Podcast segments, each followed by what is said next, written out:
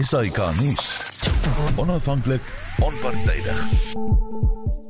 Baie dankie Renskyn. Soos ek gesê het, welkom by Kommentaar vanaand. My gaste is professor Amanda Gous, politieke ontleder aan die Universiteit Stellenbosch. Goeienaand Amanda. Goeienaand Susan.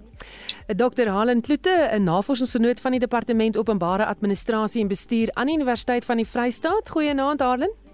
Goeienaand Susan, goeienaand en al die luisteraars. En dan uh, professor Pieter Dievenage, hy is dekaan Geesteswetenskappe by Akademia. Goeienaand Pieter. Goeienaand Susan. En my klankingenieur is Daiter en Godfrey. Ek is Susan Paxton.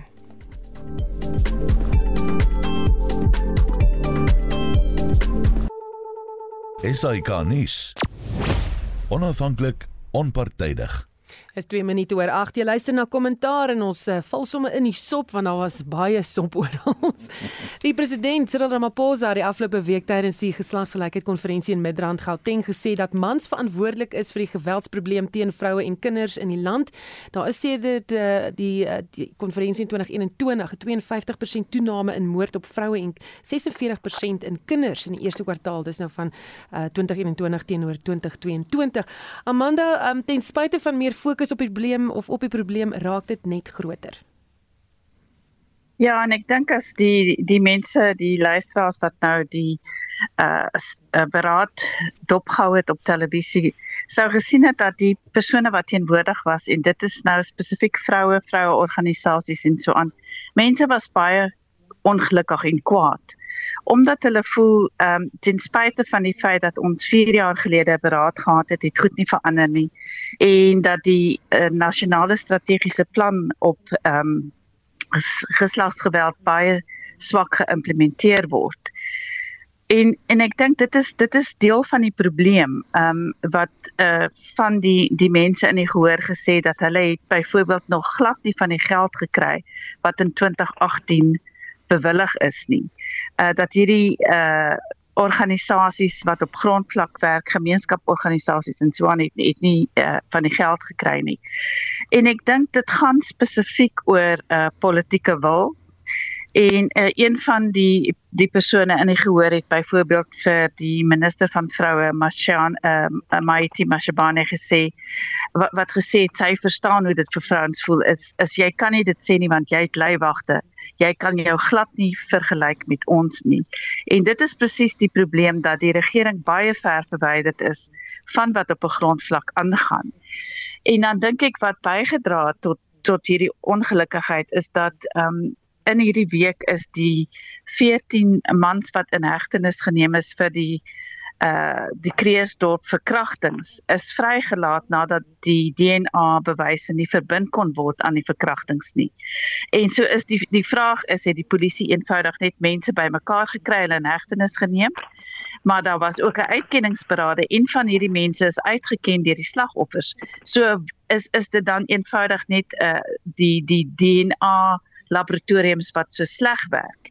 En dit reflekteer alles baie sleg op die die feit dat daar gesê word die deur die, die regering ons doen iets aan byvoorbeeld die DNA agterstand met die ontleding van van verkrachtings ehm um, uh bewyse DNA wat gekry is in verkrachtingssake en so aan. So ja, dit lyk net nie goed nie en so die vraag is het hierdie is hierdie beraad nou weer eens net 'n uh, 'n klomp talking heads gewees. Hmm. Harland skokkende statistiek. Nee, dit is uh, en ek weet ek ek wil miskien dan eers begin hier om verskoning te vra namens man as 'n man skaam ek my dat uh, vir hierdie geweld teen vroue en kinders dit dit is iets wat nie hoort in ons samelewing nie. Maar hoe reguleer mens gedrag? Ek dink ons is 'n baie gewelddadige uh, samelewing. En so daar is 'n uh, dan opgehoopte frustrasie. Een een persoon het vir my eendag so mooi verduidelik uh, en daar's 'n groot verband nê tussen alkoholmisbruik en en ook geweld teen vroue en kinders. Nou wat ons nie sien nie uh en al hierdie berade is goed en soos Amanda nog gesê het dit dit dit kom hier op talking heads ons praat oor die probleme dan kom dit nie net wenig na plaaslike vlak toe nie nou weer eens sê plaaslike regering is die regering naaste aan die mense en op plaaslike regering moet jy vermoë kan hê om sy om sy samelewing te organiseer. Die kerk lê letterlik dormant. Ek dink nie die ek dink die kerk is in groot krisis. Uh wat wat doen die kerk om om meer vokaal te wees of of re, of um, faith-based organisasies om meer vokaal te wees. En so ons het plaaslike op plaaslike dorpsvlak het ons 'n konsensus nodig dink ek van samewerking oor hoe spreek ons hierdie probleme uh, aan. Ek gaan later later praat ons oor die oor die e-toll saak byvoorbeeld.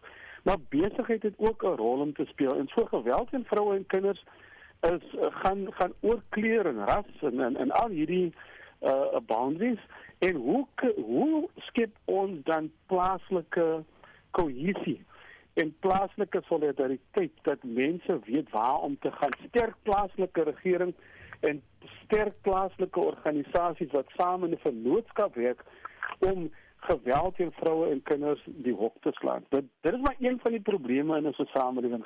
So so ek dink ons is in 'n groot krisis en wat Amanda nou sopas gesê het, ons is baie goed met praat in hierdie land. Dit is dit is by die by die doen ons het van die beste beleid. Dit is die uitvoering daarvan dit is die werk in silos. Uh, jy, jy weet jy jy, jy het 'n multidissiplinêre benadering nodig om die wicked probleme wat daar in die samelewing is weer aan te spreek. Hm.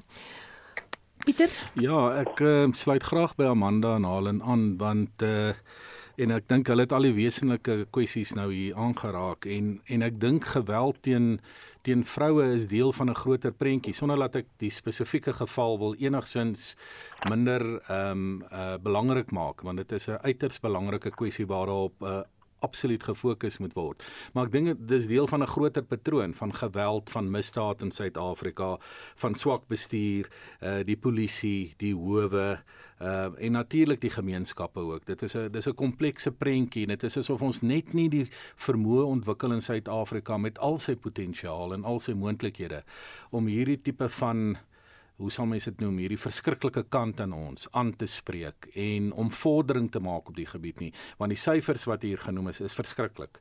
Jy weet die die toename in dit en en mense sou dink uh soveel jare na 1994 uh ons het 'n redelik gesofistikeerde staat maar dit lyk net asof die bestuur en die administrasie uh tekortskiet en uh, dit is 'n uh, dis eintlik nie 'n mooi prentjie wat of is, as ons in die spieël kyk wat ons sien as Suid-Afrikaners sê en hier harde werk is nodig hier oor in die toekoms. Mm.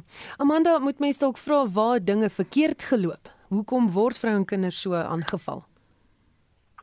Ehm um, ek wil net eers teruggaan na die die feit dat die ehm um, privaat ag die uh, openbare sektor betrokke moet wees. Um Judy Dlamini uh, wat die die kanselier van Bits is, uh, het byvoorbeeld 'n uh, um GBV response fund um op die been gebring.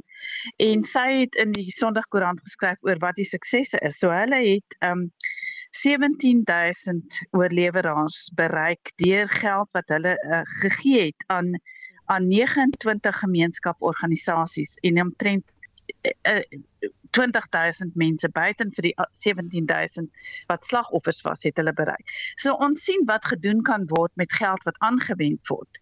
Die vraag is hoekom die regering se geld nie reg gekanaliseer word nie. En ek meen dit is die punt wat gemaak is ook oor silos net. Daar is veronderstel volgens die ehm um, nasionale strategiese plan om 'n interministeriële taakspan te wees. Daai taakspan het nog nie een keer vergader sedert 2018 nie. So on, dit bring ons terug by by politieke wil. Maar ek dink die teorie oor hoekom dit so sleg lyk, daar's baie en ek dink ons ons moet almal van hulle soort van holisties sien. Maar ons is 'n land wat kom uit 'n geskiedenis van geweld, so die die bevrydingsoorlog. Ehm um, en dan ook die feit dat uh onder apartheid uh mans geskei is van hulle families uh die ons praat in in uh Engels van emasculation baie mans wat emasculated gevoel het omdat hulle nie toe broodwinners kan wees nie en nou nog steeds nie broodwinners kan wees nie. So frustrasies word op op vroue uitgehaal. Um en en dan ook is daar uh mans wat dink dat uh, as ons gaan kyk na uh, meningsopnames dat vrouens dat demokrasie vroue te veel regte gegee het dat vrouens nie meer hulle plek het nie. So dan word hulle ook met geweld uh, betuigtig maar die vraag is spesifiek hoekom seksuele geweld? En dit gaan oor die entitlement to women's bodies nê? Daai aanspraak wat gemaak word op vroue se liggame. Um, en dan ook is die vraag hoekom sulke ongelooflike brutaliteit. En daarvoor het ons nie eintlik 'n 'n antwoord nie. Ehm um, maar dat daar iets baie verkeerd is met die siege van mans in Suid-Afrika uh, is nie nie te betwyfel nie. Ehm um, en en daarmee sê ek nie dat alle mans toksiese mas uh, manlikheid het nie. Ehm um, dit dit is nie die geval nie, maar dit is die geval dat ons ehm, 'n um, geweldige groot probleem het met toksiese ma uh, manlikheid en dan is is daar ook genoem die die misbruik van drank wat wat al hierdie goed bymekaar bring en wat dit dan uitgehaal word op vrouens se liggame en en dit dink ek um, kan ons net probeer hanteer deur voorkomend te werk al die planne op die tafel is eintlik wat doen ons met mense wat skuldig bevind word, wat verkrag het, hoe hanteer ons hulle? So die ANC se vroue liga het hierdie gekke beleid uh met die laaste hulle laaste beleidskonferensie op die tafel gesit van chemiese kastrasie. Wat uh, ek ek wil nie nou in al die detail ingaan nie, maar waar dit ook al gebruik is, werk dit nie eintlik baie goed nie. So so ons moet dink hoe ons voorkomend gaan werk en dan moet ons gaan kyk hoe word ons moet begin met klein kinders en hoe hulle ehm um, gesosialiseer word veral seuns. En ek meen daar is skole waar kinders ryp ryp speel. Dit is 'n speletjie. Nou weet as as geweld so genormaliseer is, is ons in baie groot moeilikheid. Jo, ja, dit is nogals 'n uh, skokkend om dit te hoor. Um, ek het nie kinders nie, so ek weet nie van hierdie goed nie. Amanda, ek wil ook vir jou vra en en ek wil dalk net 'n paar SMS'e lees. Iemand wat sê, ehm, um, moet dit nie by die opvoeding by die huis begin nie. Nog iemand wat sê Sandra, solank as wat mans regeer, sal ons vrouens nooit veilig wees nie. En dan nog iemand wat sê die kerk bestaan uit autokratiese mans. Maar nou wil ek net vir julle almal eintlik vra, as ons nie sinnelose verkrachtings, mishandeling, geweld en moord nie stop sit nie, waarop stuur dit af? Amanda? Wel waarop dit afstuur is 'n totale verbrokkeling van sosiale kohesie en wat ons in Engels noem die social fabric. Ehm um, want mans en vroue staan in verhoudings met mekaar, nê? Nee, as ons nou praat van heteroseksuele verhoudings, dan is dit seker oor die 90% van jou bevolking is in heteroseksuele verhoudings betrokke. En en en maar maar ook 'n groot uh getal slagoffers is is lesbiese vroue. So dit raak nie net heteroseksuele vroue nie, dit raak ook alle non wat ons noem non-normatiewe ehm um, seksuele identiteite wat beteken dat as ons nie met mans in intieme verhoudings kan wees sonder om geweld te ervaar nie, dan het ons basies nie meer 'n koherente samelewing nie. En ek moet sê op hierdie punt uh, wat femicide so hoog is, so dit is waar vrouens deur 'n uh, in intieme verhoudings deur deur 'n uh, partner of 'n lewensmaat vermoor word. Ons ons ehm um, Suid-Afrika se is 5 keer die wêreldgemiddelde. Ons is 5 keer hoër as die wêreldgemiddelde. Wat beteken dat daar word 'n paar vroue 'n week doodgemaak. Ehm um, en en ons normaliseer dit. Ons dink dit is dit is oukei okay, want dit haal nie eens meer die voorblaaie van die koerante nie. Ehm um, ja, so ek dink ons ons uh ons staan op 'n baie kritieke stadium.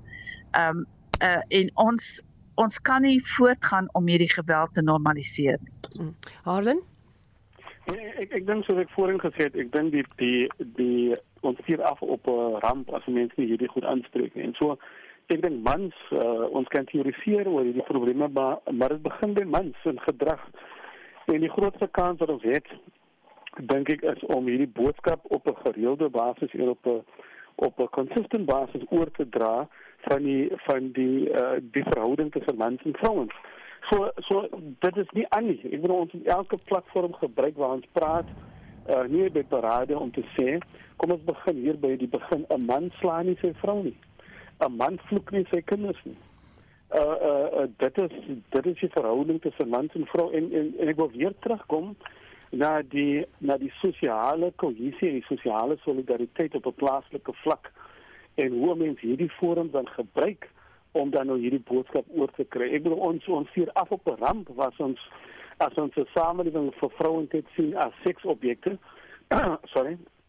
En dat ons as as 'n samelewing vir vroue en kinders so hanteer, dan is daar letterlik nie so 'n uh, 'n toekoms vir so 'n samelewing want want dit is ek wil ons moet ons vroue en kinders lief hê en versorg en en die beste geleenthede gee maar almal moet daardie geleenthede kan kry en so ons moet gaan kyk ek dink baie van ons oplossings werk met die simptome maar wat is die wat is die wortel van die kwaad?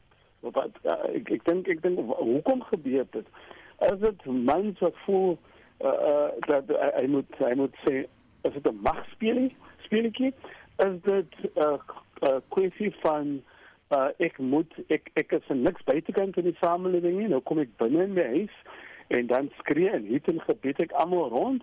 Of of wat is dit wat die samelewing vir mans terug sê wat hulle dan nou so reageer.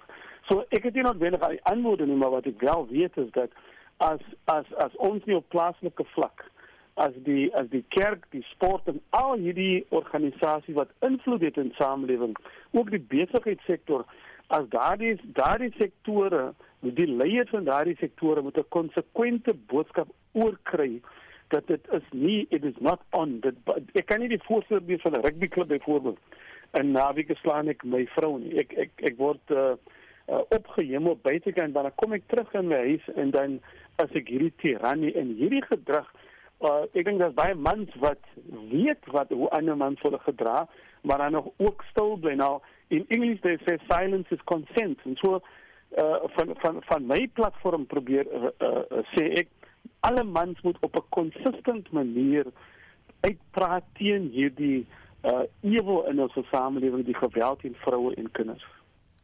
Pieter Ja, soos ek gesê het, um, ek dink ons het die tema nou eintlik baie goed deurgetrap. Uh vir my is dit weer eens uh natuurlik is dit 'n verskriklike ehm um, speel wat wat voor ons is en uh en die ander ding is dit is vir my deel van 'n groter patroon van 'n Suid-Afrika wat totaal en al ordeloos is wanorde en geweld. Geweld is natuurlik teen vroue 'n verskriklike ding en en dit moet ehm, 'n um, spesiale beklemtoning kry soos ons dit vanaand doen, maar die hele Suid-Afrikaanse samelewing as jy nou mooi kyk na die moordsyfer in die geheel aan die plaasmoorde en so meer.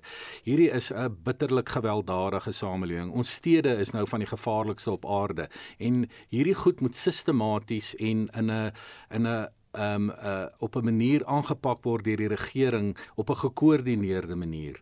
Um en op 'n spesifieke manier, beide.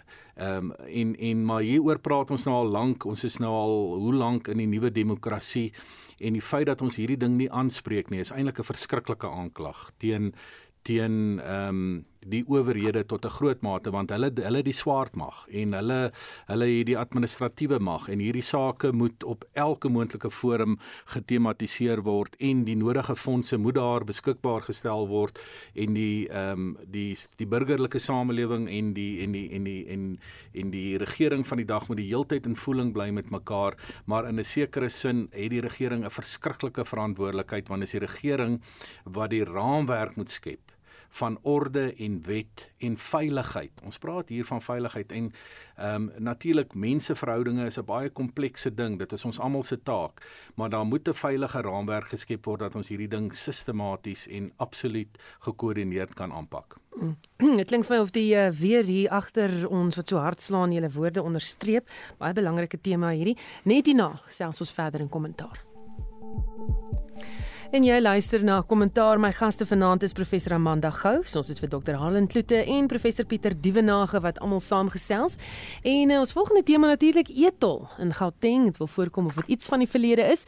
Die premier van Gauteng, Panjasa Lesufi, het nie gras onder sy voete laat groei om 'n aankondiging te maak oor die etolstelsel nie. Dit nadat die minister van Finansies en nog Godongwana aan sy mediumtermyn begrotingsrede gesê het, die Gautengse regering gaan hieroor moet besluit. Lesufi het die week gesê motoriste sal net die einde van die jaar of tot met die einde van die jaar moet eh, betaal daarvoor. Ehm um, Pieter, wat beteken dit? Gaan ons die uitstaande rekening nog moet vereffen? Hmm, kyk, ek sit nou hier in Gauteng, so ek moet seker eers hierdie vraag beantwoord. Nou eerstens sit ons met premier Lesofie, ehm um, wat uh ek ek het maar uh, bepaalde vraagtekens elke keer as ek sy naam hoor uh, hoor en dis dalk uh, miskien moet ek hom nog 'n kans gun maar uh, ons het nou al 'n lang pad met uh, met die premier geloop in sy vorige portefeulje ook. En nou soos ek die saak sien ehm um, gaan daar nog steeds skuld verbonde wees aan die hele etolstelsel maar dit gaan nou oor vanaf Sanral na die provinsiale regering van Gauteng. En nou is die groot punt wie gaan hierdie skuld die beste bestuur?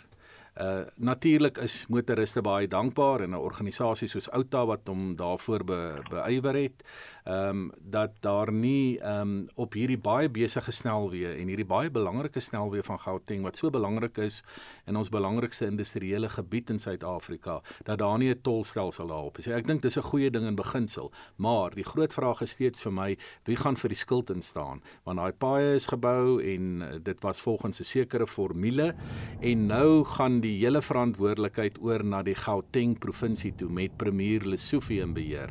En hier is ek 'n bietjie bekommerd want uh, die manier waarop hy sy vorige portefeulje bestuur het, die manier waarop die Gauteng provinsie ehm um, die afgelope dekade of twee bestuur word, uh, daar's diep vrae vir my daaroor. Ek hoop maar dit word professioneel gedoen uh, want ehm um, as dit op agteruit gaan ook nog verder met die paaie in in Gauteng en veral met die snelweë wat uh, die hoofare is van hierdie gebied van die land, dan het ons baie groot probleme. Ek hou maar my hart vas op die gebied want as ek net kyk na die ANC en die Gauteng uh, provinsie se rekord, dan lyk dit nie vir my goed nie. Ehm um, daar my enigste hoop as 'n politieke kommentator in 'n sekere sin is die stembus by 2024 dat daar miskien 'n ander regering in Gauteng kan inkom wat professioneel hierdie provinsie wat so belangrik is vir Suid-Afrika sal bestuur. Mm. Arlan, um, ek het gesien dat Panjasa Lesofie ook terwyl hy hierdie gesê het gesê het, maar ek gaan nou eers weer met die tesourier gesels oor al hierdie vrae, wie gaan hierdie uitstaande skuld vereffen en wie moet nou die pad nou in stand hou? Um, maar jy weet, kan die provinsie dit enigstens bekostig om byvoorbeeld so iets oor te vat? Ek dink dit uh, grensbereik ook aan populisme want hy het gesê dat die mense wat aan geld skuld dat daardie skuld toe gaan afgeskryf word. Uh, ek dink die een ding wat die etol sake vir ons gewys het is die krag van die burgerlike samelewing. En daar moet ek dink 'n persoon soos Wayne Divenage en sy organisasie Outa uh, regtig 'n uh, uh, hande klop gee vir hulle vir hulle volgehoue druk wat hulle op die stelsel geplaas het om dan nou hierdie ethos dan nog geskraap te kry. Dink jy dit was in die begin af goed gekonseptualiseer? Ek dink dat dit daar was nie genoeg same publieke deelname nie en die regering sit hom natuurlik met uh, uh dit is baie maklik vir die premier om dit uh dit uh, claim as 'n as 'n as 'n politieke bou daarmee te maak. En en so uh, eerstens dink ek as dit 'n groot wen vir die krag van die burgerlike samelewing. Waar die geld vandaan gaan kom, weet ek nou nie heeltemal nie. Ek dink die staatskas is on, ons onder geweldige druk. As jy kyk na die en die, in elke sektor in land, ons het vroeër gepraat van die polisieering, elke sektor in die staatsdiens is onder geweldige druk om diens te lewer aan 'n aan 'n samelewing wat al hoe meer uh vir die lekker beter word slimmer raak en en en eise het na professionaliteit ek dink mense in hierdie land is baie moeg van geregeer te word in die manier hoe ons regeer is en en so uh hierdie is vir my 'n wen vir die burgerlike samelewing en die krag van die burgerlike samelewing het om verandering te te weer te bring en om uh, enorme uh, bang te wees vir die regering. Hm. Amanda, ehm um, weet ons wat sê jy oor hierdie publieke verset in die verband? Ja, ek wil net sê dat die tesourier, ehm um, minister Enoch Godongwana het gesê die tesourier vat 70% van die skuld oor en dan bly daar 30% oor vir, vir die provinsie. Nou dit is nog steeds 'n hele paar uh, miljard rande. Maar met ander woorde die die skuld word verdeel tussen die tesourier en die en die provinsie. Ehm um, nou ja, uh, Gauteng het seker die meeste slaggate in die paaie van enige provinsie. So good luck to you.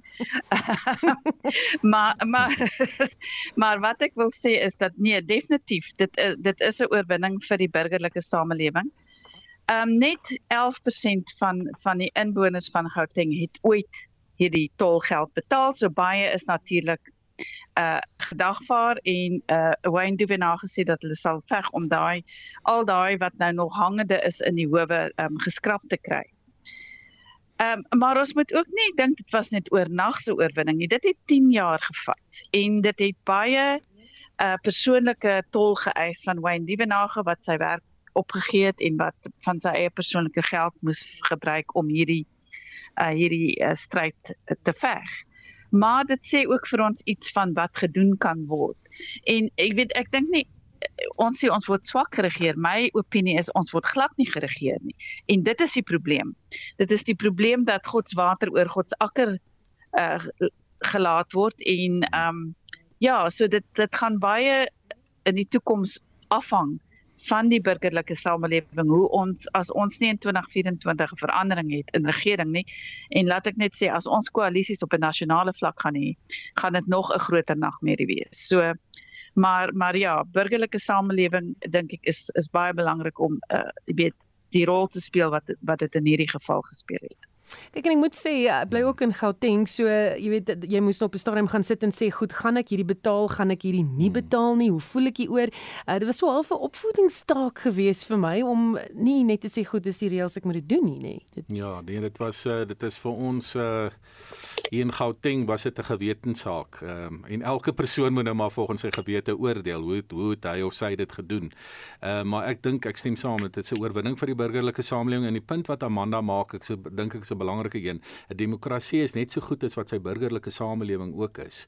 Uh die regering van die dag natuurlik word deur die burgers gekies en daai regering het 'n uiters belangrike verantwoordelikheid. En mense verwag goeie bestuur, maar as daar nie goeie bestuur kom van die regering nie, dan moet burger dan moet burgers en burgerlike organisasies die regering verantwoordelik hou. En wat ek oorbly is Outa van Wayne Duvenage of soos hy homself noem Duvenage. Ehm um, uh Outa het nou net nog 'n burger belangrike burgerlike organisasie geword saam met die Instituut vir Rasse Aangeleenthede, saam met die Solidariteitsbeweging en so kan mens baie ander noem. Ons het hierdie burgerlike organisasies baie nodig, maar burgers kan op soveel plekke, kerke, in gemeenskappe, ehm um, in ehm um, geografiese gebiede saamspan om um, te kyk wat om hulle aangaan en om te monster en om geld te versamel ook vir hulle eie belange. Um, maar mens moenie vergeet nie die regering van die dag word steeds gekies deur alle burgers met groot verantwoordelikhede met die meeste hulpbronne en die regering kan nie ook sy taak nalat nie. Hm. Goed, Eskom regstellende aksies en kaderontplooiing is die week weer in die kollig. Dit nadat 'n nuwe direksielid gesê het Eskom moet kwytgeskeld word van regstellende aksie reëls. ANC-lede en regeringsamptenare het nie baie positief daarop gereageer nie. Die woordvoerder van die president, Vincent Magwenya, het tydens 'n vraag en antwoord sessie gesê wêreldwyd sal regerings hulle eie mense in poste ontplooi. Dit in reaksie op die Sonderkommissie vers, se verslag oor kaderontplooiing. Die minister van Finansies het ook nuwe wetgewing in die verband vrygestel, maar solidariteit waarskynlik daar wel 'n SEB skuiwergat is. Ehm um, Harlan druk op ANC raak al hoe groter oor hierdie beleid. Weet jy ek dink in wese ek dink die woordvoerder is reg. Alle politieke partye ongeag die wêreld oor hulle ontplooi. Die probleem is hulle ontplooi hulle kaders want as ek in regering kom dan wil ek weet wie ek ook aan instel gaan met beleid kan uitvoer. Die probleem is as wanneer jy onbevoegde mense aanstel in om sekere goed vir te kan doen. So so die woord kaderontplooiing is vir my baie wye woord. Die probleem in Suid-Afrika ingekom wanneer jy mense ingestuur het en seker wat wat wat nie die kwalifikasies noodwendig het nie, en dan gebruik hulle die instansies as hulle eie persoonlike huiswinkel. So so dit is in wese verkeerd. So ek ek dink uh, of die, die Republikeine is of die Demokrate of die of 'n politieke party dis in hulle natuur om te om saam met mense te werk wat hulle kan vertrou. Die groot skuif is wat en dit is ook nou in die regeringsbeleid is die professionalisering van die staatsdiens. Want as jy verkeerde hande by die til het, dit is waar dinge verkeerd gaan. Die vorige uh, ouditeur-generaal, Kimi Mokwetsi het gesê ons het baie om te wys, ons het die verkeerde hande by die til. En so die uh, corruption watch uh, verslag het gewys dat meeste van die korrupsie munisipaliteite gebeur in die kantoor van die van die ehm uh, munisipale bestuurder. So in in gevalle het jy uh educated mense, mense wat kwalifikasies het, maar wat eties en moreel korrup is. So uh, politieke party kan links en regs oor hierdie ding. Daar is 'n gevalle waar daar politieke volwassenheid het ek al gesien al in die Weskaap waar daar wel politieke volwassenheid gekom het waar mense aangestel het wat in die verlede byvoorbeeld ANC was en wat nou werk vir DA beheerde rade. Maar hierdie mense word aangestel op grond nie van hulle ideologie nie, maar op grond van hulle professionaliteit en hulle loyaliteit aan die konstitusie, die grondwet. En so ek dink dit dis die politieke volwassenheid wat ons moet hê hier. dat ons moet nie naïef wees en dink dat dat dat politieke partye uh, ontplooi nie kaders nie. Dit is in hulle natuur om dit te doen. Ja, ek wil by Halen aansluit. Ek dink ehm um, ehm um, jy het 'n baie professionele staatsdiens nodig. Natuurlik die regering van die dag ontplooi sy mense. Enige iemand doen dit. Ons sien dit in Amerika soos hy ook daarop gewys het. Maar vir my is die kern die volgende. Kyk byvoorbeeld na 'n departement soos waterwese. Ek kan nie sien hoe 'n direkteur-generaal van daai departement nie iemand kan wees wat 'n doktorsgraad het in kom ons noem dit nou maar wateringenieurswese nie. En ek kan nie sien hoe die adjunkdirekteur-generaal nie iemand is met ten minste 'n meestersgraad of met bewese ervaring of 'n ingenieur in daai veld nie. Ek kan dit net gewoon nie sien nie.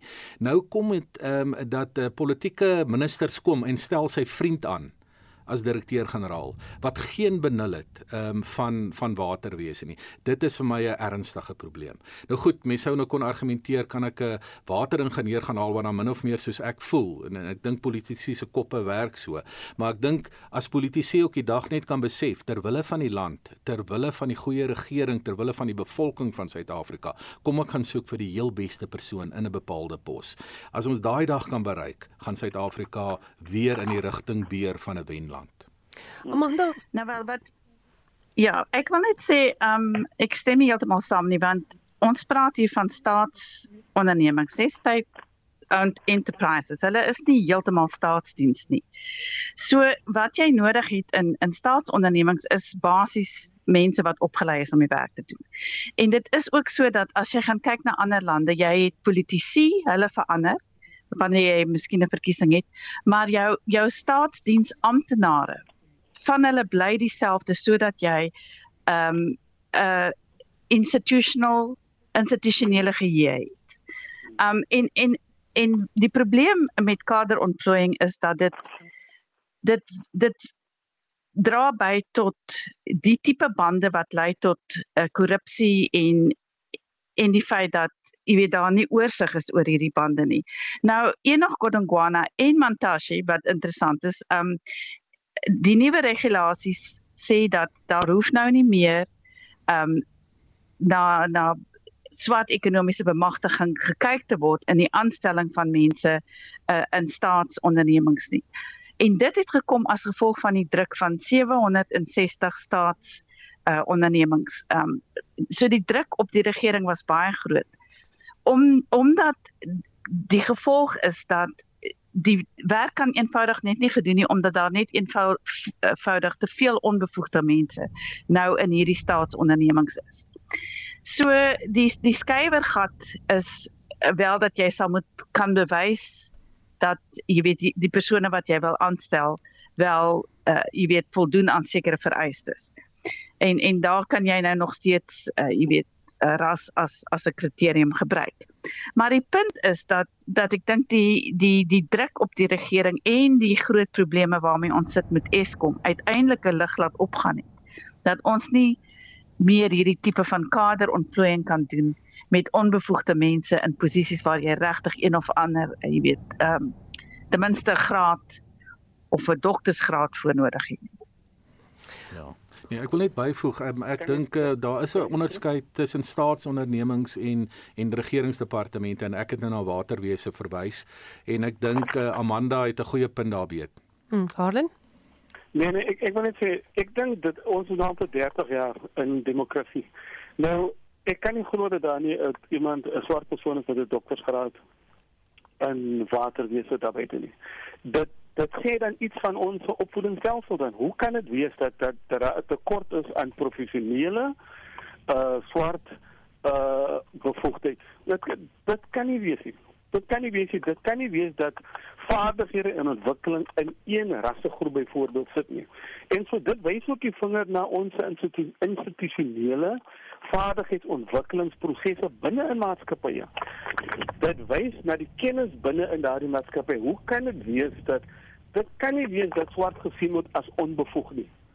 Dit kan nie so regstellende aksie in sy in sy wese sê dat jy kan 'n kandidaat aanstel op die grond van potensiaal of jy kan 'n kandidaat aanstel uh, as 'n vrou is as hy voorheen gediskrimineer is van.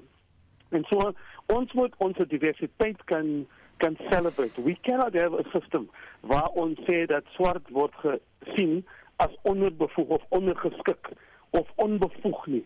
Daar is ek praat daagliks met Suid-Afrikaners wat bevoeg is. Ek dink mense kry nie altyd die geleenthede nie. En so daar is nee, maar die die, probleem daar is ja, jammer dat ek jou nie dit val, maar die probleem is nie dat daar nie mense is wat bevoeg is nie. Ek weet ek werk by universiteit en en en ons sien dit. As jy ja. nie 'n lojaliteit aan die ANC het nie, staan jy nie 'n kans nie. En meeste mense wat hoogs opgevoed is, is nee, nie lojaal teenoor die ANC nie. Nee, en dit is saam met jou. Nee, ek stem saam met jou. Ek ek praat van lojaliteit na die party nie. Ek praat jy jy moet aangestel word as 'n professioneel. You must be a professional person. Jou eerste lojaliteit is nie na die party toe nie, is na die konstitusie en die en die grondwetbeginsels van hierdie land. Dat Suid-Afrika behoort aan elke persoon, dat elke persoon in hierdie land, mense wat gemarginaliseer was in die verlede, het ook 'n reg. En so elke een ons mense aanstel op grond van sy bevoegdheid en sy potensiaal. En lojaliteit na die party toe is vir my 'n taboe. Ek sê eerste realiteit is na die arme mense want die laaste verslag in Maart het gewys dat Suid-Afrika bly die mees ongelukste land in die wêreld en as ons nie uh, ons uh, ons if you don't get our act together die gaping tussen ryk en armer raak net al groter. So regstellende aksie beteken nie 'n 'n 'n 'n daling in die kwaliteit van mense wat jy aanstel nie. Ek is totaal gekant teen lojaliteit na party toe. Die eerste lojaliteit is om 'n professioneel te wees en aan die konstitusie en aan die grondwet moet jy moet jy getrou bly aan. Goed, goed dan uh, Amanda, ek sien jy het 'n ander uh, gesprek en argument ook begin en dit is nou natuurlik oor die slaggate en watter provinsie die uh, ergste slaggate het. James van Morningside wat sê, "Ha, die Vrystaat het by verre die meeste en van die lelikste slaggate in die land." Ek het ook al van hulle gesien. Ek dink hulle is leliker as Gauteng. So ek sien nou gaan nou 'n klomp van hierdie gesprekke ook gebeur. Net hierna dan uh, gesels ons verder. SAK nuus. Onafhanklik onpartydig. 20 voor 9 jy luister na kommentaar. Die jong omgewingsaktivis Greta Thunberg het besluit om COP27, die klimaatsberaad wat die week in Egipte gehou word, te boikot. Dit terwyl wêreldleiers gaan om 'n gesamentlike klimaatsplan te beraam. Thunberg sê sy kan nie die beraad daarby woon terwyl die land omskuldig maak aan menseregte vergrype en as COP27 nie gebruik word as 'n platform om 'n een eenheid oor hierdie kwessie te skep nie. Pieter gaan daar iets ja. kom van COP27. Um, kyk, hulle is nou daar in Egipte en dit is nou, hulle ek dink vandag begin die 6de tot die 18de November. Die vorige een was in Glasgow en uh, daar was groot drome gedroom in Glasgow en so aan. Ek net te vermoed dat die een in Egipte speel in bietjie ander politieke omstandighede af. Glasgow was nou wel ook in COVID, maar wat ons nou het is ehm um, intussen die oorlog in Oekraïne. En die oorlog in Oekraïne het die het die kaarte baie de mekaar gekrap want die die hele idee was soos ek dit verstaan ook uit Glasgow uit dat steenkool moet as 'n energiebron op aarde uh baie sterk aan weet uitgeskakel word, uitgenavigeer word as ek dit so kan stel en dat ehm um, nie hernubare energie moet moet intree want dit gaan oor die tema van aardverwarming ehm um, en dit gaan ook ehm um, daar's natuurlik 'n ander debat ook oor ryk en arm lande en of ryk lande 'n uh, bepaalde premie moet betaal omdat hulle uh daarvoor verantwoordelik was dat daar meer ehm um, van hierdie ontbrandingsstowwe in die lug opgegaan het en so meer. So maar die oorlog wil ek ehm um, aanvoer in uh, Oekraïne het die kaarte geweldig deurmekaar gekrap. As mense ook nou kyk in Europa, daar selfsprake dat van die Europese lande weer hulle ou steenkool uh, energiewerke aan die gang gaan sit. Ehm um, daar is ook uh, debatte oor uh, kernkrag en dan is daar natuurlik die gasprobleem wat nou direk uit die oorlog vloei. So dit sal interessant wees om te sien wat gebeur in Egipte. Hulle gaan nou vir 'n lang ruk daar sit. Suid-Afrika het 'n baie groot afvaardiging, hoor ek, uh van onder minister Krisi en uh daar gaan Suid-Afrika se energieplan ook voorgelê word. Ek wonder hoe die gesprek daaroor gaan gaan want as jy nou sien wat met Eskom aan die kant aangaan en hoe agter ons in die wêreld is met ons steenkool uh energiebasis en wat ons eintlik al lankal moes gediversifiseer het. Nie laat ons steenkool maklik in Suid-Afrika net sommer sal uitskakel nie, maar ek dink ons moes al baie verder gewees het met die dinge. Dit sal interessant wees om te sien hoe die Suid-Afrikaanse afvaardiging regering ook inspel in hierdie breë konferensie. Hmm. As ek reg verstaan van president Cyril Ramaphosa in vandag se koerantberigte is dit 'n uh, geval van ons wil meer fondse hê sodat daar regverdige uh, of regverdigheid kan geskied wanneer ons moet oorskakel na groen energie. Amanda, sal ons die geld wel reg aanwend? Wel, ons het 1.5 miljard rand nodig. Dit is dit is wat gesê is. Ehm um, Ja, ek ek weet nie, ek het geen vertroue in die staat om geld uh, reg aan aan te wend nie en as ons kyk na die die hele kwessie rondom die sondekommissie se verslae en die vervolging wat nie gebeur nie, dan uh, dan is ek nog minder hoopvol. Maar ek dink wat belangrik is is dat daar uitgewys is dat daar 'n verlies en skadefonds uh benodig word. En dit beteken dat die lande wat die meeste besoedel wat wat nie die globale suide is nie, ehm um, moet betaal vir die uh vir lande wat wat minder besoedel.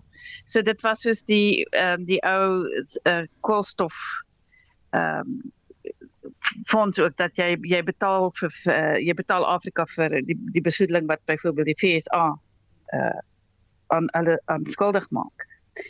Ehm um, maar maar maar dit ek meen dit is nou op 'n groot skaal wat wat basies die hele ehm um, globale suide of die ontwikkelende lande moet help.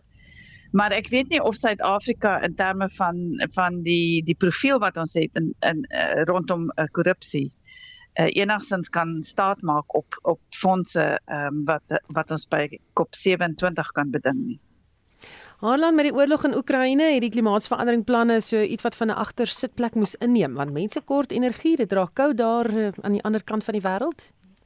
Ek het met 'n kollega gepraat in uh, in Duitsland die ander dag en en dit is van die kwessies waar waar hulle praat, maar ek wil terugkom met die punt wat Amanda gemaak het. Ek dink regering se geloofwaardigheid intern en ekstern as jy kyk na die gradering ook dat hoe die hoe ons die fondse kan bestuur. Ons het uh, ons het 'n Engels praat van 'n governance probleem in die land. En uh so uh wat die sekretaris-generaal wel vroeër vanaand gesê het is dat ons het 'n nuwe solidariteit nodig tussen die ryk lande en die armer lande. En en uh die ander het ek het ek uh, gesien waar 'n uh, klip waar Rwanda se president gepraat het van ons woon al hierdie berade by en praat en praat en praat en daar word daar word so baie energie gespandeer vir foto uh, geleenthede maar daar kom so bitter min van hierdie berade. En so mense hoop weet jy dat ons nou verby mense hoop na na Covid wat vir ons gewys het hoe hoe uh, saam ons eintlik is en ek hier is nog geleentheid om te kan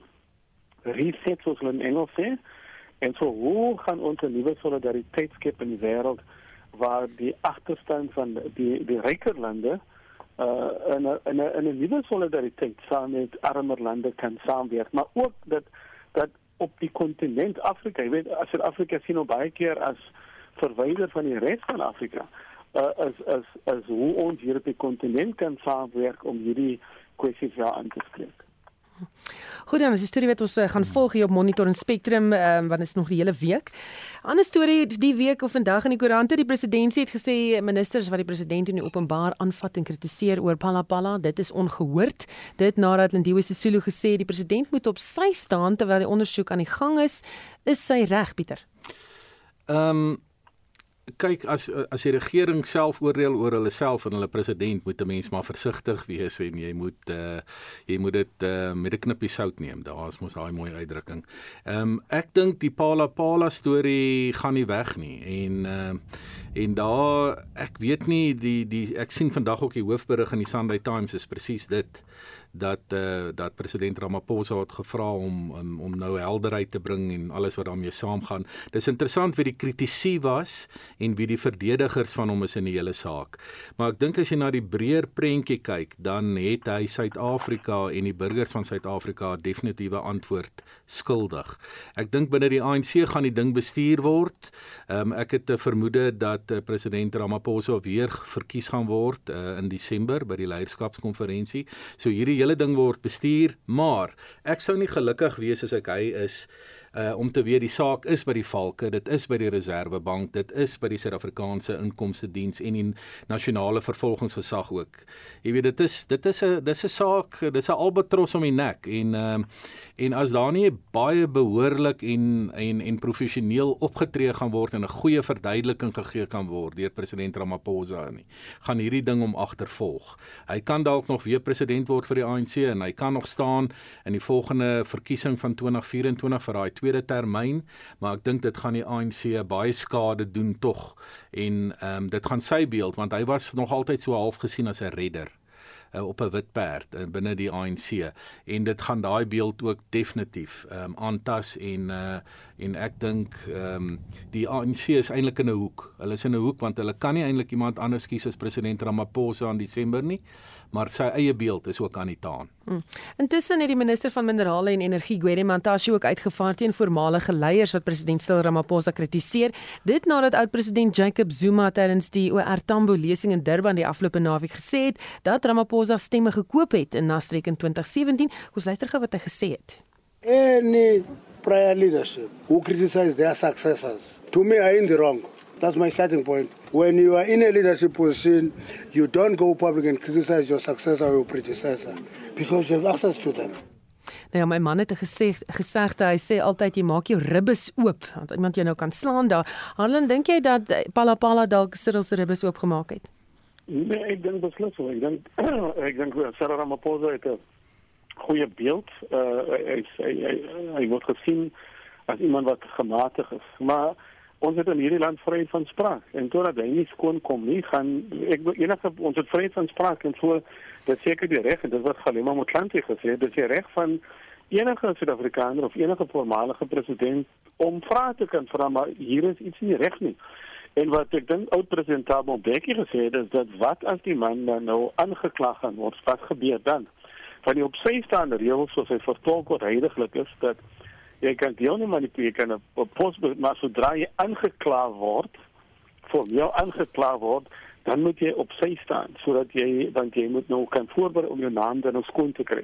Nou totdat uh, die huidige president nie aangekla word ek dink uh, dra uh, Lindiwe se solo se argumente in 'n veel gewig nie. Ek ek het 'n vermoede dat dit sal ek dink agter die skerms word daar baie hard gewerk uh, om om van die ding gaan nie weg nie totdat die president nie die land in sy vertroue neem in in skoon kom nie. Ook natuurlik weet jy ek dink ook die aard van Vreese se hande is so heeltemal skoon nie. So I mean weet nie of dit politieke verdagmaker is of wat dit is nie en mens weet nie meer wie om te glo nie. Maar dat die president, die huidige president se beeld 'n bietjie van 'n knou gekry het, uh uh is korrek. Hm. Amanda, as jy handskoene af uh, in die aanloop tot die verkiesingskonferensie. Ja, nee, absoluut. En ek eh, en ons kan dit sien in die feit dat McKinsey ook nou homself uitgespreek het en basies ge, gesê dat Ramaphosa moet soos hy optree, hy het op vrywillig op sy gestaan en hy het nie staatsgeld vir die hofsaak gebruik nie. So dis almal wat probeer om, weet hulle is almal kandidaate vir die presidentskap. Ehm um, en Moslante het uh, het ook gesê dat omdat uh Ramaphosa niks sê nie en en nie doesn't that he doesn't come clean beteken daar's baie spekulasie en suspisie en en dit is nie 'n goeie ding nie want dit, dit skep net die hele teelaarde vir allerlei ehm um, gerugte uh, en so aan. So So ek dink dit is 'n dis 'n groot probleem. Ehm um, en maar die die feit is nie net dat dat Ramaphosa nie die land in sy vertroue neem nie. Hy neem nie eers sy eie ehm um, kabinet in in sy vertroue nie. So dit laat 'n mens wonder waar wat steek hy weg? En en wanneer gaan die hele storie op die lappe kom? Gaan dit wees voor die voor die ehm um, die kongres wat hulle aan die einde van die jaar hou of voor die 24 2024 verkiesing? Ons weet nie, maar op die oomblik lyk dit nie goed vir hom. Terwyl hy aan die woord is, die eh, Daily Maverick het ook berig oor die verhoor om te bepaal of die openbare beskermer Bosisiwe Mqobane geskik is vir haar pos en al die rolspelers wie se name al uitgekom het en hoe hulle aan mekaar verbind is van Arthur Fraser tot Dalian Pofu. Hy word genoem daarso in die stryd om haar lewe noem hulle dit, maar die ondersoek voel nie regtig of dit iewers heen gaan nie of of wat maak jy van die afgelope week se gebeure? Wel, uh jy weet, ek dink as ons net gaan kyk na die bedrag wat mense gekry het uit da, uit die uh, openbare beskermer se kantoor, ehm um, Pofo 12 miljoen gekry, Sengalo het 94 ehm um, 'n miljoen uh, 49 miljoen gekry. En dit is oor allerlei sake waar waarmee sy betrokke was. Uh nou nou wat hierdie week gebeur het is natuurlik is dat die die parlementêre komitee haar nie uh, wou uitstel gee om oorleg te pleeg met haar regsgeleerdes nie. Uh en sy voel nou uh, absoluut geviktimiseer en uh, daar's ook aangekondig dat sy sal moet uittrek uit die parlementêre behuising um, waar sy op die oomblik woon. So maar sy sy skets haarself nou as die as die slagoffer van al hierdie ehm um, uh goed wat aangaan. Maar die punt is dat as jy gaan kyk na haar track record, het sy al al die sake wat sy die hof toe geneem het verloor. Ehm um, so sy was nie 'n goeie openbare beskermer nie. En ek dink hoe gouer wat die probleem sal oplos is dat daar 'n uh, 'n basies 'n uh, 'n openbare beskermer daar is een wat waarneem, maar daar moet een aangewys word wat wat die die Ramaphosa saak, die Palapala saak kan hanteer want die rede hoekom sy wil teruggaan is om daai saak te hanteer en en dit beteken net eenvoudig dat sy is uh, die saak is gekompromiteer en sy is gekompromiteer. So ek dink dit is dis baie problematies. Goed, 'n ander storie wat op die voorblaaie was, ouers en kinders is ontstel na 'n praatjie by die skool wat rasse, dis nou by die vishoek skool wat 'n uh, vishok skool, ek dink ek wat rasse verskille moes bylê. Dit het dit glo verder verdiep. Ehm um, en die spreker het glo gesê dat daar nie iets is soos omgekeerde rasisme nie en daar's 'n klomp dinge daar gesê. Departement het intussen om verskoning gevra oor die voorval en beraaders gestuur. Harlan, hoe moet so 'n kwessie benader word want daar moet nog oor rassediversiteit gepraat word in Suid-Afrika? Ek dink weet jy ons praat min oor ras en diversiteit. Ek was so 2013 by 'n konferensie, 'n multikulturele konferensie.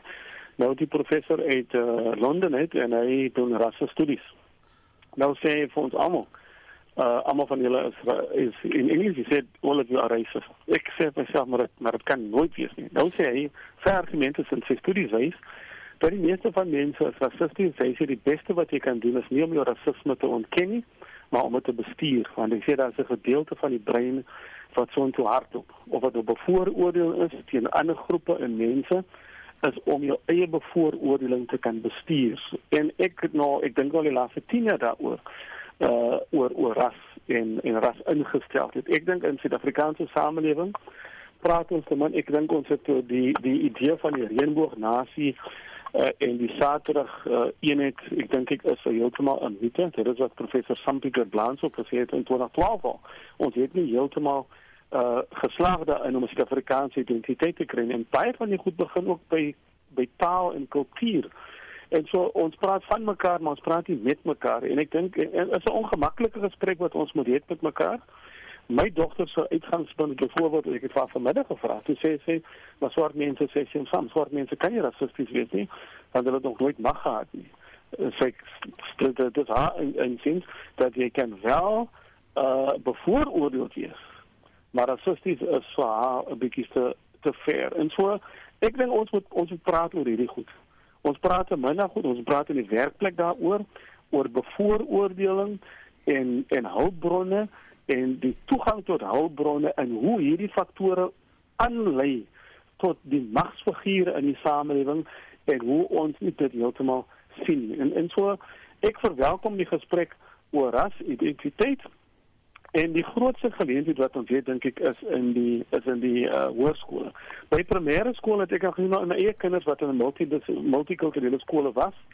Die partytjies was multikultureel hier op die primêre vlak Uh, die hm. studie sê in die uh hoërskool dan gaan elkeen na sy eie groepie toe en dan hoop hulle kom hulle weer by mekaar as op universiteit kom. So so dit is 'n gesprek wat ons moet hê. En skole moet hierdie gesprek met mekaar hê. Dit is my beskeie mening. Dan laaste tema en dit gaan aan Pieter, 'n eh, Woensdag van die Amerikaanse middeltermyn verkiesing plaas, wat gaan gebeur? Ja, ek sou graag by Halen daarby aangesluit het oor sy tema want ek dink dis een van die sentrale temas van Suid-Afrika, hoe bemiddel jy tussen diversiteit en identiteit. Ehm um, en dit ons het nog 'n lang pad om te gaan, maar ehm um, ek is nogal ek hoop vir die luisteraars ook, ek dink hier gaan interessante dinge gebeur Dinsdag die 8de November. Dan is dit nou die FSA se middeltermyn verkiesing en dit gaan 'n groot invloed hê op hoe Amerika gaan lyk vir die volgende 2 en selfs meer jare want alles dui vir my daarop dat die demokrate moontlik die senaat kan verloor alhoewel ek dink dit gaan so 50 50 wees maar die huis van verteenwoordigers definitief. En dit gaan veral daaroor dat ehm um, die hele kwessie van misdaad in Amerika die ekonomie en emigrasie dis die drie goed die demokrate se se punte wat hulle baie graag tot hulle voordeel wou gebruik was daai nuwe abortuswet in Amerika en natuurlik die Trump gebeure uh, op 6 Januarie in uh, 2021 hulle het baie hard in daai komitee en so aan. Maar gestel nou die Republikeine kom in beheer van die Huis van Verteenwoordigers, dan vee hulle eenvoudig daai hele proses van die tafel af uh, om Trump aan te kla. En dan is hulle in beheer van die Huis van Verteenwoordigers en dan lyk Amerika se politiek heeltemal anders en ook met die oploop na die presidentsverkiesing in 2024. Dit kan uh, iemand soos president Trump hier in 'n sterk posisie stel om te staan in daai verkiesing. So mense sal donder ag nie donderdag nie, maar komende Dinsdag baie fyn moet dophou wat daar in Amerika gaan gebeur gebeur. Nou sê ons sal deur middel van jou dit doen. Dankie dat jy gesels het. En dit dan natuurlik kommentaar vanaand. My gaste was professor Amanda Gous, maar voor ek groet, daar's 'n klomp mense Amanda wat sê, "Het jy al in Noord-Kaap gery? Val in Kimberley, dis regtig vreeslik." Dis nou natuurlik van daai slaggate. en in Ficksburg op die R26 tussen Ficksburg en Bethlehem ervaar dit is verskriklik gevaarlik vir iemand. Jy kan nie daar ry nie. Ja, klomp mense wat saamgesels daaroor. Dankie dat jy saam geluister het ook vanaand. My gaste, professor Amanda Gous, politieke ontleder van Universiteit Stellenbosch, Dr. Helen Kloete, 'n navorsingsgenoot van die Departement Openbare Administrasie en Bestuur aan Universiteit van die Vrystaat en professor Pieter Dievenage, hy is dekaan Geesteswetenskappe by Akademia. My klankingenieur was Daitrin Godfrey, ek is Susan Paxton. Onthou monitor môreoggend tussen 6 en 7 met 'n blik op die dag se hoofnuus.